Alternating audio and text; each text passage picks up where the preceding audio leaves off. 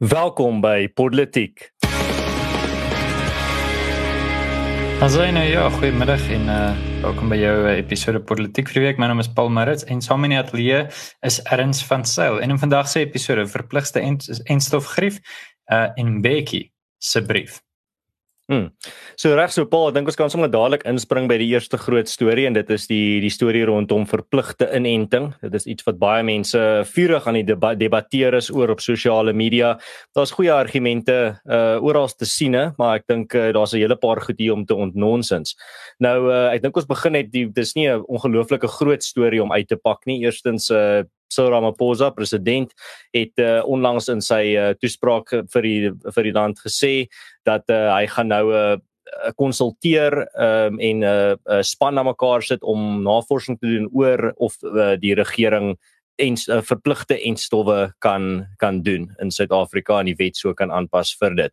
Uh, dit het baie mense nou in rep en roer gekry. Baie mense sien hoof uh, onderwerp wat op sosiale media en af van sosiale media oor gesels word as geselsies bietjie meer in die politieke rigting gaan. En uh, dit het nou 'n hele paar uh, organisasies en um, uh firmas uh, laat uitkom en uh, of in ter ondersteuning of uh, uh teen dit. So daar het 'n uh, uh, firmas soos Discovery het byvoorbeeld uh vir dit uitgekom die uh baie paar ander firmas ook uh, teen dit het so organisasies soos Sakeliga Afriforum het gesê dat as daar 'n uh, uh, enigsins 'n ver, uh, in verpligte inenting deur die regering afgedwing word op mense dat uh, die organisasie dit sal teenstaan. So nou gaan ons 'n uh, bietjie daaroor gesels en dit bietjie ontnonsens. Paul, ek gaan vir jou die geleentheid gee om dalk van jou gedagtes te deel. Ek het nogal baie, maar kom ons uh, kom ons begin by een plek. Ja, ehm, um, sjoe, erns hierdie is moeilik. Ek weet uh ek ek dink almal van ons het hierdie gedop gehou in Amerika die ding uh, vinnig gesterf toe toe daar eintlik 'n hele lot weerstand was en die howe lyk dit my uh het het Biden geopeneer.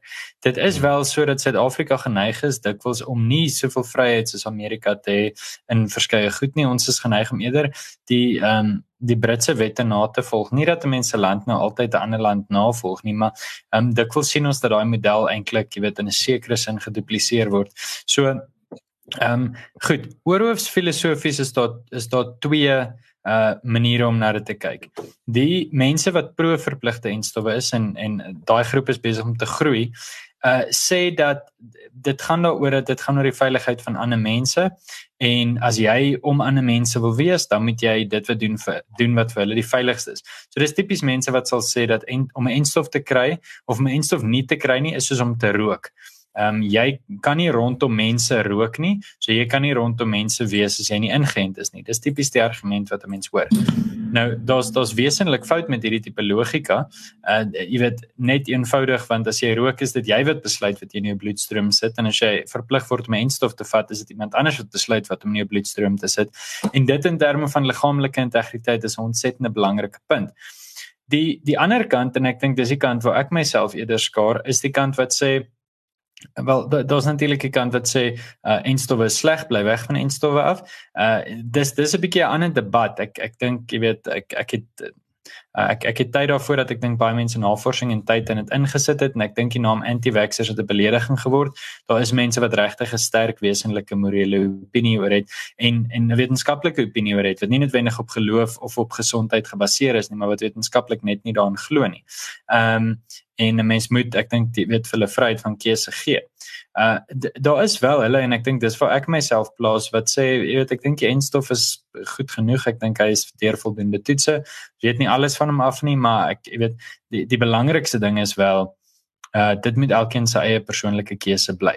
Hoekom is dit belangrik? Want Ehm um, as ek besluit ek gaan die enstof kry of ten minste ek en my gesin, ek dink ouers kan miskien oor hulle kinders 'n bepaalde gesprek hê tot bepaal bepaalde ouderdom of of ten minste die besluit maak, maar jy gaan op 'n punt kom wat jy ehm um, wat jy nie kan jy weet eh, wat jy effektief dan nou oor dit moet gaan. So, skus ek ek, ek praat nou 'n bietjie verwarrend, laat ek net opsom. Met ander woorde my gedagte is ek het nie 'n probleem met die enstof as sulks nie. Ek verstaan die dringendheid, maar ek dink mense moet eerder beloon word. Uh dit het ek al 'n maand terug op politiek gesê. Ek dink mense moet eerder beloon word as wat hulle verplig word. En 'n laaste gedagte van my af wat ons eintlik van solidariteit af sê vir die laaste 2 maande is, as jy mense gaan verplig dan gaan jy die teenoorgestelde reg kry. Dan gaan jy ewe skielik 'n toename kry in weerstand, 'n toename in mense wat sê maar hoekom word dit gedwing? Daar's hierdie jy weet groot oorhoofse metanarratief en jy weet daar's ehm um, nanorobotte binne in die enstof en die tipe goeders, dan gaan daai jy weet ewe skielik gaan daar baie meer aanklank wees vir daai tipe argumente, want jy voel dwang en jy voel maar hoekom word ek so forceer om dit te doen? So dis dis breedweg my inleiding. Hmm. Ek dink jy het 'n jy het 'n uh, hierdie hierdie week eintlik 'n klomp gesprekke gehad oor die ding so ek wil eintlik hoor wat jy te sê het daaroor. Ehm uh, hmm. ja. Ja, wat Paul uh, ek was nou deel van die veldtog se tog tog te span agter die uh, hierdie veldtog van Afriforum nou om die verpligte enstof teen te staan en uh, ek het die brief vir Cyril Ramaphosa opskryf. So die een die groot ding hierso wat ek dink eers uit die pad uit gekry moet word is ek gee nie om wat jou enstof status is nie. Ek gee nie om of jy dit gekry het of nie. Dis jou persoonlike keuse. Ek gaan nie vir jou vra eers daaroor is as en uh as dit enigsins as jy dit vir my wil sê en ek sê okay, dis is jou keuse. Ehm um, maar terselfdertyd, ek dink mense het die volle reg om dit ook 'n geheim te hou uh in in persoonlike gesprekke. Ek praat nou nie van uh as jy nou byvoorbeeld uh in 'n situasie is waar jy nou dalk gaan moet vir mense sê ja of nee nie. Ek praat van as iemand vir jou vra, ehm um, is jy ingeënt of nie, dan het jy die volle reg om vir dit te sê ek sal verkieslik nie daaroor wil praat nie, maar ewe skielik lyk like dit my oornag het mediese privaatheid net nie meer 'n ding geword nie. Ons praat glad nie meer oor daardie waarde nie.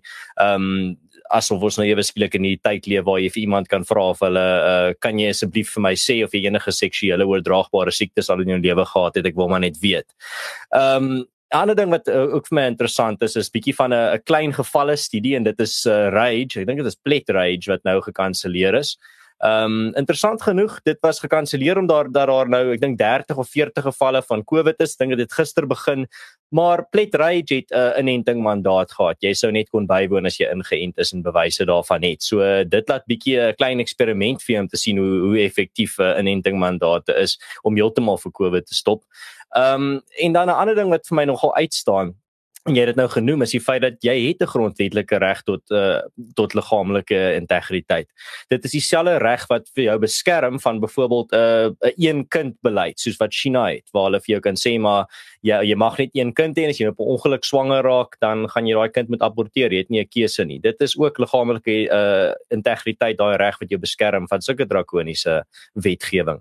En net omdat hierdie nou nie so drakonies soos daai is nie of omdat hierdie nou nie vir jou in dieselfde manier gaan raak nie, beteken nie dat dit in beginsel verkeerd is nie.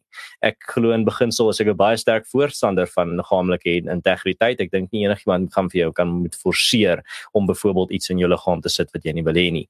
Nou iets wat ek miskien ook net moet aanraak is dat daar is ook baie misinformasie daar buite. Nou mense hou daarvan om te fokus op die anti-enstof misinformasie, maar daar's ook snaakse goed aan die gang as jy kyk na byvoorbeeld van hierdie lande wat nou rekordgetalle het, lande soos Duitsland, uh lande oral uh, in Europa spesifiek wat nou rekordgetalle van COVID COVID getalle het, maar nou rekordgetalle hoër as toe die hele bevolking nie die enstof gehad het nie. So dit is maar net vir my verder bewys dat die enstof is nie die uh, die die silver cool om absoluut uh, COVID in sy uh, voete in sy spore te stop nie. Ek dink hier's baie meer nuance aan hierdie gesprek, maar soos ek sê, uh, dit is 'n gesprek vir vir mense wat bietjie meer kenners is as ek. Ehm um, 'n ander ding wat ek dink 'n uh, groot stuk misinformasie is wat ons definitief uit die pad uit moet kry wat jy nie hoef 'n uh, mediese kenner te wees om te sien waar die logika fout is nie.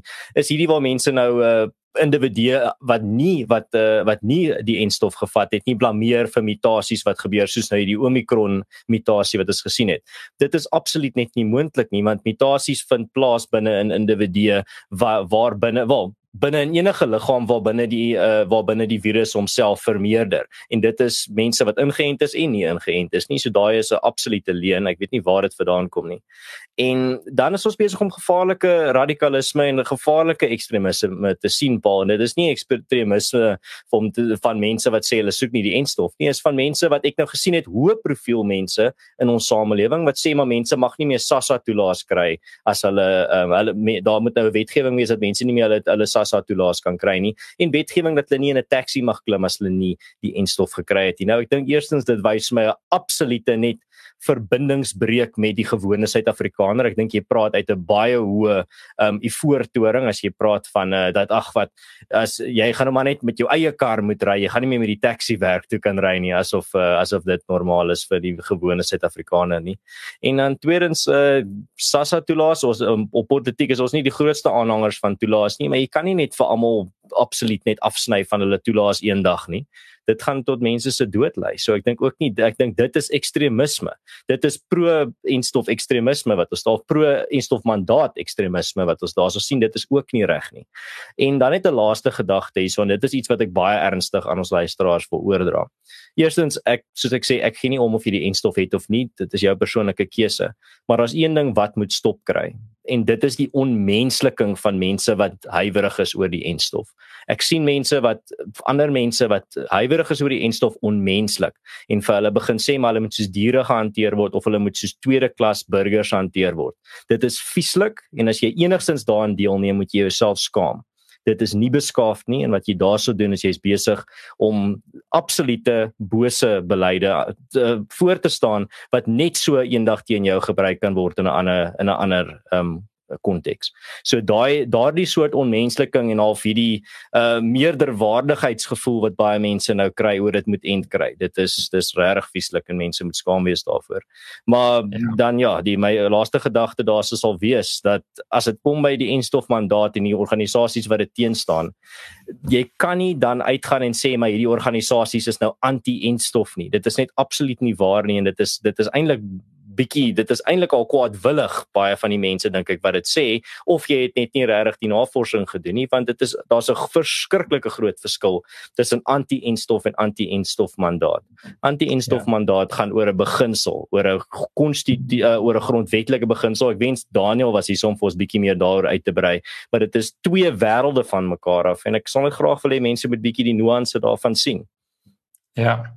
Nee, erns ek dink jy, jy pak dit goed uit. Ek dink dit, is 'n baie komplekse kwessie.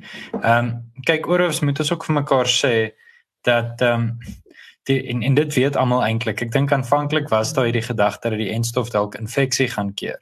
Ehm um, maar dit sal en dit sal hy nooit kon gedoen het nie. Wat wat 'n enstof juis is is mos nou maar 'n klein bietjie van die virus sodat wanneer jy dit kry jou lyf al teenliggaampies het, hy gaan nie kan keer dat jy dit kry nie. Mm. Hoe jy keer dat jy dit kry is om jouself in 'n plastiek bal toe te toe te maak en rond te rol deur die samelewing. Dis nie regtig dis 'n mikroorganisme wat jy, jy gaan baie gaan sukkel om te keer. Nou, ek dink jy jy hanteer dit reg deur dit uit te pak in verskillende kwessies. Daar's 'n ekonomiese argument daar's 'n filosofiese argument in terme van morele filosofie. Uh daar's 'n politieke argument omdat hierdie 'n magspel is en uh miskien heelwat ander uh vakgebiede waarop mense sou kon hmm. kyk. Uh ek is geneig om baie saam te stem, jy weet met met feitelik alles wat jy gesê het. Ek wil kyk klem op 'n paar ander plekke plaas. Ek dink, jy weet ons ons sien toenemend en, en ons sê dit eintlik al vir die hele 2 jaar van die COVID pandemie op politiek. Mense het toenemend minder die staat nodig en ewe skielik forceer die staat homself in 'n baie groot manier af op die mense dat hy regtig vir jou ewe skielik sê hoe laat jy moet gaan slaap. Ehm um, goed of ten minste hoe laat jy by die huis moet wees. En en en jy weet soortgelyke tipe goeders en en dit het toegeneem. Jy weet die die, die hoeveelheid goed wat die staat jou verplig het om te doen. En jy kan dit jy kan dit ook sien van hoe die staat self hulle kommunikasie handhaaf. Aan die heel begin het hulle ons gepaai. Hulle het gesê asseblief bly in jou huis vir 3 weke. Ons vra jou mooi. Ons wil dit graag van jou af hê. So hulle paai jou, hulle probeer jou in 'n sekere sin uh, omkoop of oortuig. Nou staan nie meer omkoop en oortuig nie. Nou is dit jy sal. En uh daai is 'n baie wesenlike skuif van argument. Jy weet jy het, jy het uh, 'n uh, wesenlike skuif toegelaat. So as ons uit 'n politieke hoek uit kyk, dan dink ek dat nie genoeg gesê word oor die magsvergryp en die manier wat die staat homself sien op hierdie stadium nie. Ek dink ehm um, regtig daar's 'n klomp regerings in die wêreld daar buite wat dink hulle is absoluut die redders van die mensdom. En hulle praat ook so en hulle dink ook so en hulle hanteer hulle self asof hulle is en westerse hoofstroom media hanteer hulle asof hulle is. En dis 'n baie gevaarlike plek om te wees want ehm um, nou is hulle op hierdie euforie in Engels sal mense sê hulle is op hierdie high waar hulle hmm. absoluut al die mag het. Waar hy vir jou kan sê hoe laat jy in die huis moet wees, soos jou pa of jou ma, hoor jy, jy weet, dink jouself in erns jy nou graad 11 was en jou pa sê vir jou, "Alright, erns, jy kan gaan rondhardloop hierso in in Riebeekstad, maar jy sal jy sal terug wees, jy weet 10 uur vanaand en jy het nie 'n keuse nie, jy sal daai rol word nou deur jou regering ingeneem. En ek dink op 'n polities filosofiese vlak is dit 'n baie ernstige ding om na te kyk want ehm um, en ons sê dit van die heel begin af, gaan die regering wegtreë van dit af op 'n stadium. Dis dis kommerwekkend vir my. Ehm um, Miskien miskien 'n laaste gedagte vir my of en dan kan jy vir ons saamvat, maar ek ek uh, ten minste die onderwerp saamvat, maar ehm um, iets wat ek dink ons tog gaan moet dophou uh is is is die is is die manier waarop ek wil amper sê die radikale linkse kant reageer. Uh, ek hmm. ek het die interessantste oproepe en boodskappe die laaste paar weke gekry van mense wat regtig hulle self links van die EFF posisioneer, maar my bel en sê ons sien nie weet van die solidariteit beweging af julle is uh, teen verpligte eindstowwe. Nou ons rede is want ons is pro vryheid van keuse, tipies 'n sentrum regs hmm. ding in die 21ste eeu. Ehm um, daai mense is net letterlik op 'n punt wat byvoorbeeld radikaal linkse vakbonde wat werknemers ehm um, en en byvoorbeeld dienswerkers en skoonmakers op kampusse verteenwoordig wat hulle sê maar ons mense is nie gesond nie. Die die eindstof gaan hulle doodmaak en jy weet seker tipe ja. voeders. So mense vind mekaar nogals en ek dink dit sê baie van die die hoofstroom media dat hy regtig van alle kante af uitgekry word in hierdie stadium.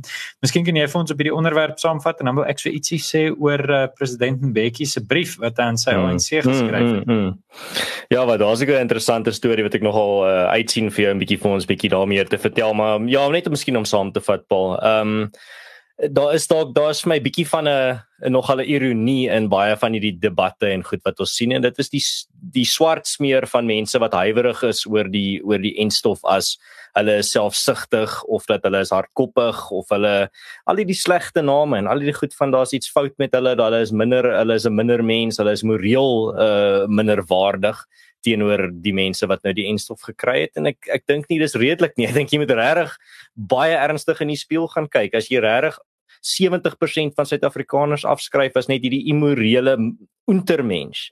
Regtig, dit is vir my die vreemdste ding. Dit is ek kan nie glo dat dat soveel Suid-Afrikaners uh val vir hierdie vir hierdie hierdie uitkyk op hulle mede Suid-Afrikaners nie. Waar hulle dink maar ek is maar net omring deur slegte, hardkoppige, dom mense. Dink jy regtig dit is die rasionele standpunt? Dink jy regtig dit is die uh die die standpunt van empatie? Dis waar die ironie vir my inkom. Ek dink daar's regtig te min empatie vir mense wat uh wat absoluut net geen ehm um, wat wel te min empatie vir vir mense wat 'n ander uitkyk het op, op die lewe en 'n ander uitkyk op 'n kwessie is as jy het. Ehm um, en ek dink dis iets wat miskien van ons lei ek weet daar's definitief van ons luisteraars wat uh ondersteun dat daar moet 'n uh, strenger maatreëls wees met met enstowwe. Ek verstaan daai standpunt. Ek dink nie jy's 'n slegte mens as jy dit ondersteun nie. Ek dink nie jy's boos as jy dit ondersteun nie. Maar as jou standpunt dan is die mense met wat jou met wat wat met jou verskil is dom of hulle is hardkoppig of hulle is hulle het uh, hulle is net bose mense wat nie om of selfsugtige mense wat nie omgee oor ander mense nie. Of as jy as jy hulle half probeer raam as hierdie mense wat dink daar's klein robotte binne in die vaksinne of mense wat dink dat die vaksines is 'n 'n depopulasie ehm um, metode. As jy almal almal wat met jou nie saamstem oor die kwessie nie, raam as dit ek gaan met jou reguit praat, jy's nie die redelike persoon in die kamer nie. Jy is die persoon besig is om ekstremisties en radikaal en onempatie uh on, onempaties te wees met die mense rondom jou. En ek sou jou aanraai om om streng en ernstig in die spieël te gaan kyk en bietjie te gaan dink oor jou standpunt. Daar sê nou uh, ons hou natuurlik daarvan om uh, te kritiseer en te veg, maar een van die belangrike dinge by politiek soos by AfriForum en Solidariteit is om te bou. So dit maak dan ook sin dat uh, ons woord van ons uh, bemarker vandag of ons borg vir vandag se episode dan nou jy so 'n bietjie oor bou gaan. Erns sit terug gaan wys ek vir jou lekker nuwe advertensie.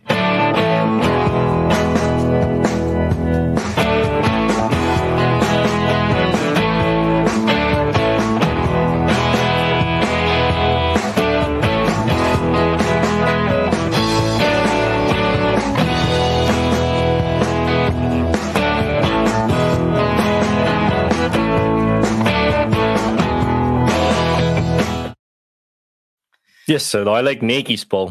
Ja, dan sê nou ja, as eh, as 'n verskaffer van industriële voorrade verstaan ons die kritiek van deurlopende produksie. Daarom bied ons dieselfde dag aflewering van alle swys, skuur, konstruksie en industriële voorrade. Dis kliëntediens soos nog geen ander. Daar is geen beter no greater supplies en jy kan vir Norman kontak by 084 783 5316 of e-pos norman@nogreater.co.za of admin by nogreater.co.za. Nou ja, dit is nie moontlik om te bou sonder lekker boumateriaal nie. Maar gepraat van bou, miskien moet ons 'n bietjie kyk na die ANC en Thabo Mbeki wat volgens hom gebou het aan hierdie party, maar nou gaan sy konstruksie nou nie soos hy gedink het dit gaan nie.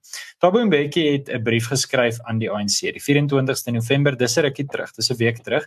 Ehm um, maar hierdie hierdie brief is is hierdie week baie in die parlement gewees. Die rede hoekom ek dink dit belangrik is vir ons as politiek en vir politiek luisteraars is omdat Mbeki 'n sekere sin goed oor die ANC sê wat ons voorspel wat ons hulle ook van kritiseer. So ek dink meneer Mbeki luister ook politiek.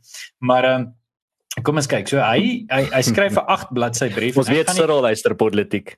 Ja, ek ek, ek kan nie die 8 bladsy brief lees nie want uh, ek ek dink uh, daar's daar's dis meer Engels as wat ons in 10 jaar op politiek sal toelaat. Maar uh, hy hy sê daar's vier dinge wat moet gebeur in die in die ANC. Ek gaan dit in Engels lees. Hy sê we must attend to the renewal of the ANC, so hy wil vernuwing. Okay. Goed, dan sê hy direct government to ensure that the social partners produce the required implementation plan for economic reconstruction and development. So uh, hy wil hê dan met die die die implementering van die plan vir ekonomiese ontwikkeling moet uitgevoer word. En uh, dan sê hy vir ons direct government to ensure that the country has a truly capable development developmental state. Ons het 'n probleem met die idee van ontwikkelingsstaat, maar goed, dis dit wel. En dan vierdens sê ensure that wherever the ANC is the governing party, all three spheres of government it implements the manifesto commitments to the people. Goed, dan gaan hy nou aan en hy skryf 'n lang brief en sy gevolgtrekking wil ek net vinnig ook lees. Hy sê it is self-evident that the ANC should do everything necessary in the aftermath of the LGE, the local government elections, to constitute the necessary municipal governments as quickly as possible. When it is done, the ANC must focus on the critically important matter of its historic mission. As stated, stated in one of the aims and objectives in the article of the ANC constitution I, that I cited, that that historic mission is to end apartheid in all its forms and transform South Africa as rapidly as possible into a united, non-racist, non-sexual democratic country based on the principles of the Freedom Charter. Okay, goed. So Wat sê hy effektief? My my mening is hy sê nie regtig te veel nie. Ehm um, hy sê basies kom ons gaan terug na ons wortels toe. Hoekom hierdie vir my interessant is en erns ek is jy weet dat ek ek self is besig met 'n met 'n emin radikalisme en ek kyk so 'n bietjie na die wortels van die ANC en die wortels van die EFF, hoe het hulle geword wat hulle is en waar hulle belangrike wendings ondergaan. Nou die ANC het na my mening 'n paar belangrike skuwe gemaak. Hulle het in die laat 40s ehm um, besluit hulle gaan wegbeweeg van passiewe weerstand na aktiewe weerstand en wat hulle genoem het die die Defiance campaign. Ehm um, hulle het op 'n stadium uh natuurlik ondergrond begin organiseer. Mens sou kon sê dat in 91 met die vrystelling van uh president Mandela het hulle 'n volgende fase ondergaan. En ek dink nou dat hulle onder 50% gegaan het, het hulle dalk ook 'n volgende fase ondergaan. Ons natuurlik 'n klomp ander fases nie, ek kan dit anders indeel. Dis dis nie ehm um, vas en jy weet in steen ge, ge, geskryf eh, dat ons dit nou op hierdie manier moet verdeel nie. Wat wel vir my interessant is, is ehm um, dat president Mbeki sê hulle moet teruggaan na hulle historiese missie toe. Mm. Nou, dan moet jy vir jouself vra, is daar nog het die ANC nog intellektuele het hulle nuwe idees? Het hulle 'n 'n nuwe vermoë. Ons sien dikwels dat linkse partye aanhou teruggryp na verouderde idees wat nie werk nie. Idees van marxisme, van marxisme, marxisme en sosialisme. Uh, in die geval van die EFF gryp hulle terug na die idee van fanonisme wat geweld natuurlik bybring. Um, en daaroor het ek het ek die artikel geskryf wat ek laas keer in die kommentaar gesit het. Maar dit gaan vir my spesifiek daaroor dat president Mbeki voel die ANC is nie besig om sy historiese missie uit te leef nie. En daar dink ek gaan ons by politiek of ten minste ek van hom verskil. Ek dink hierdie wat die ANC nou is is presies wat die ANC sou geword het was sy idee dat die ANC vir altyd bo 50% moes bly, want dit beteken hy wou ANC dominansie vir altyd hê. Dan moes hy nooit gesê het ons soek 'n demokrasie nie, want dis nie wat 'n demokrasie is nie. Um, ek dink hy het dit mense wegdraai van die ANC af omdat mense die historiese missie verlaat het, want ek dink ook nie so nie. Ek dink mense verlaat die ANC op hierdie stadium omdat die ANC juis goed de, en dit gaan natuurlik korrupsie is 'n groot ding en en daar's 'n groot hoeveelheid slegte dienslewering van die ANC. Maar die ANC as 'n linkse en wel partykeer sentrum linkse, maar meestal 'n linkse party is besig om 'n ideologie aan te hang wat eintlik in 'n sekere sin nie kan groei verby 'n bepaalde punt nie. Hmm. Hy wil soveel moontlik mense op 'n welsynstaat hê en hy sê dit ook 'n developmental state. Jy weet wat beteken dit? Dit beteken 'n groot hoeveelheid welsyn. Dit beteken 'n groot hoeveelheid toelaan. Dis wat hulle reg gekry het. Mense is siek en sat vir dit. Ek sal argumenteer dat selfs al het die ANC beter diens gelewer, sou mense nog steeds van hulle weg beweeg het. Ehm um, ek weet nie wat wat jy noodwendig hieroor dink nie. Dit is 'n tegniese punt en ek dink 'n mens moet seker na die hele brief kyk mm. om nou die fynere nuances uit te wys en dit gaan my moeilik wees om nou na al 8 bladsye te verwys. Maar miskien ja. miskien jou gedagtes op dit. Ja, wel die ANC is definitief in 'n desperate uh hulle hulle is desperaat vir 'n nuwe daarraad. Dis die hele rede hoekom Cyril Ramaphosa op daardie spesifieke slagspreuk uh die president geword het. Die ANC het nie hy het nie gepraat van 'n nuwe daarraad vir Suid-Afrika nie.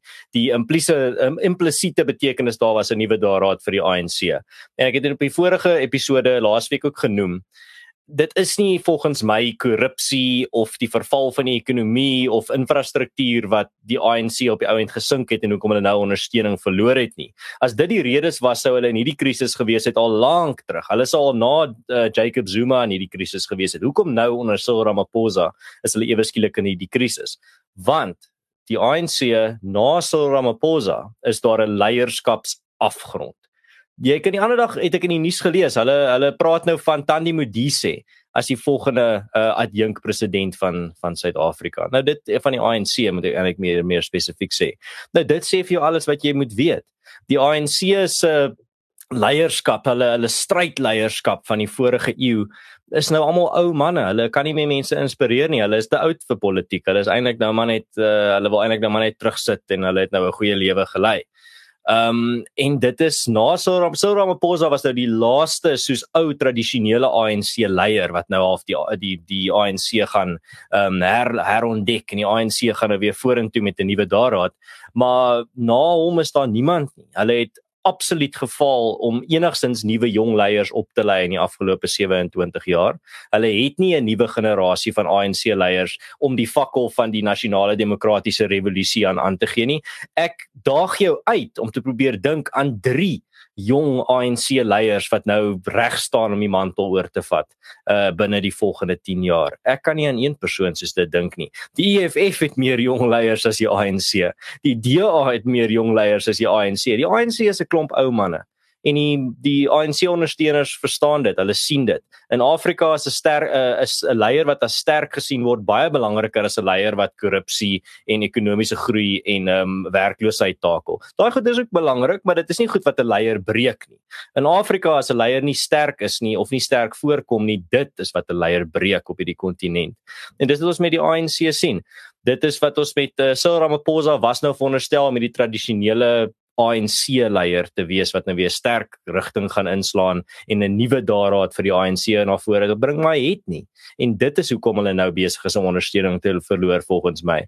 Want daar is net hierdie absolute afgrond na Cyril Ramaphosa en Cyril Ramaphosa kan nie vir altyd die leier wees nie. Hy gaan eendag van 'n tyd ook moet op sy staan en wie gaan dan oorvat?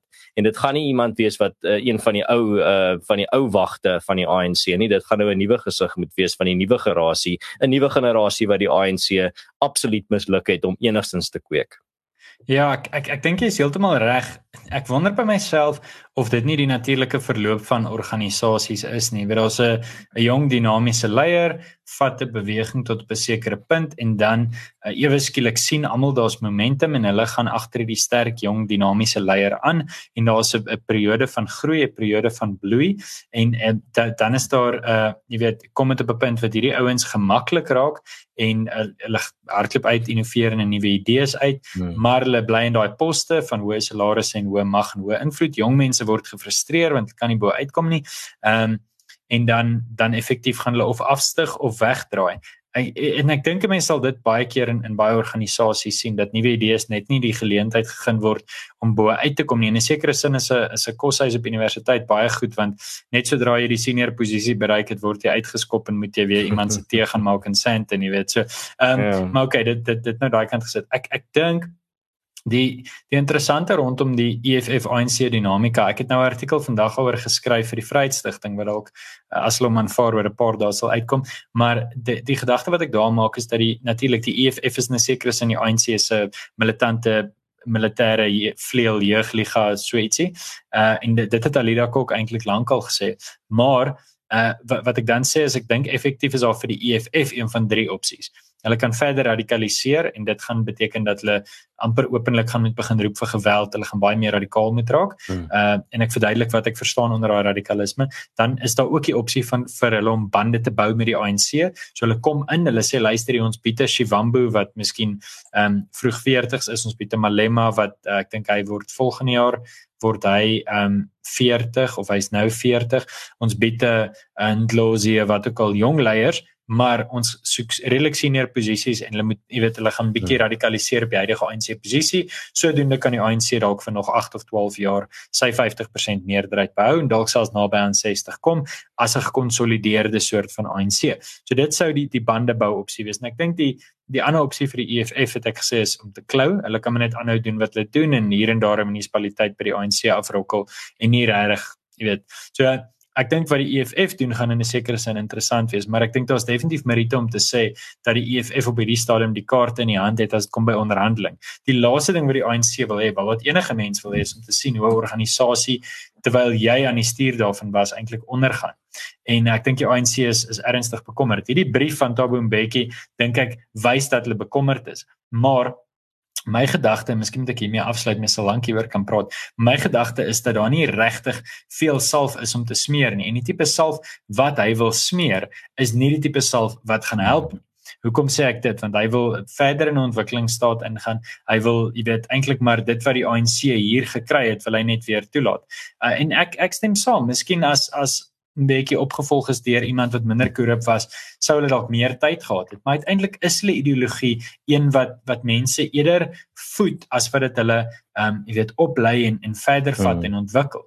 En hulle kan nie daarmee stry nie. Die hoeveelheid mense wat afhanklik is van die staat het onder hulle onder hulle toesig vertiende wil, jy weet. Ehm um, hulle hulle kan nie regtig uh, daarmee stry nie. Maar soos ek sê, miskien moet ek daar vol staan. Kan jy vir ons hierdie hmm. onderwerp saamtrek en dan ja, sluit ek vir ons. Nou reg so Paul, nee, ek het 'n uh, ek het 'n baie kort net gedagte om by te las voor ons tot sien sê en dit is ek dink uh, daar's min politieke partye in die wêreld wat so graag wil hê die koue oorlog moet terugkom as die soos die ANC. Uh, dat hulle hulle wil eintlik hê dat ehm um, die woord uh, kameraad of comrade moet definitief net weer terug en uh, moet terug in die woordeskat inkom en dit moenie meer so uh absoluut oud en en simpel wees soos wat dit vandag klink om in 2021 nog daai woord te gebruik. Ek dink dis nogal 'n teerpunt vir hulle. Nou dit bring vir ons by die einde van ons episode net soos die einde van die Koue Oorlog. Nou miskien net 'n ding wat ons moet uh, vir ons luisteraars van herinner is dat ons het ons Telegram uh, kanaal wat julle skakel in die uh, op op YouTube kan vind uh om saam te kom gesels. Julle kan julle klagtes en gedagtes kom deel daaroor die episode. Ons lees ook al julle julle kommentare daar en antwoord op soveel as wat ons kan. As jy nou nie regstreeks luister nie en luister nadat hierdie episode klaar is, kan jy jou gedagtes nog steeds in die kommentaar afdeling gaan laat laat en ons lees dit ook elkeen van hulle en antwoord op soveel as wat ons kan. Uh jy kan ook vir ons ondersteun op baie meer koffie of op Patreon. Skakel ons ook in die beskrywing en dan ook as jy op enige ander podcasting of podsending platform luister, kan jy vir ons 'n resensie los en ook asseblief deel hierdie skakel met almal wat jy ken en mense wat jy nog dink hierdie sou interessant vind en dan sien ons julle volgende keer.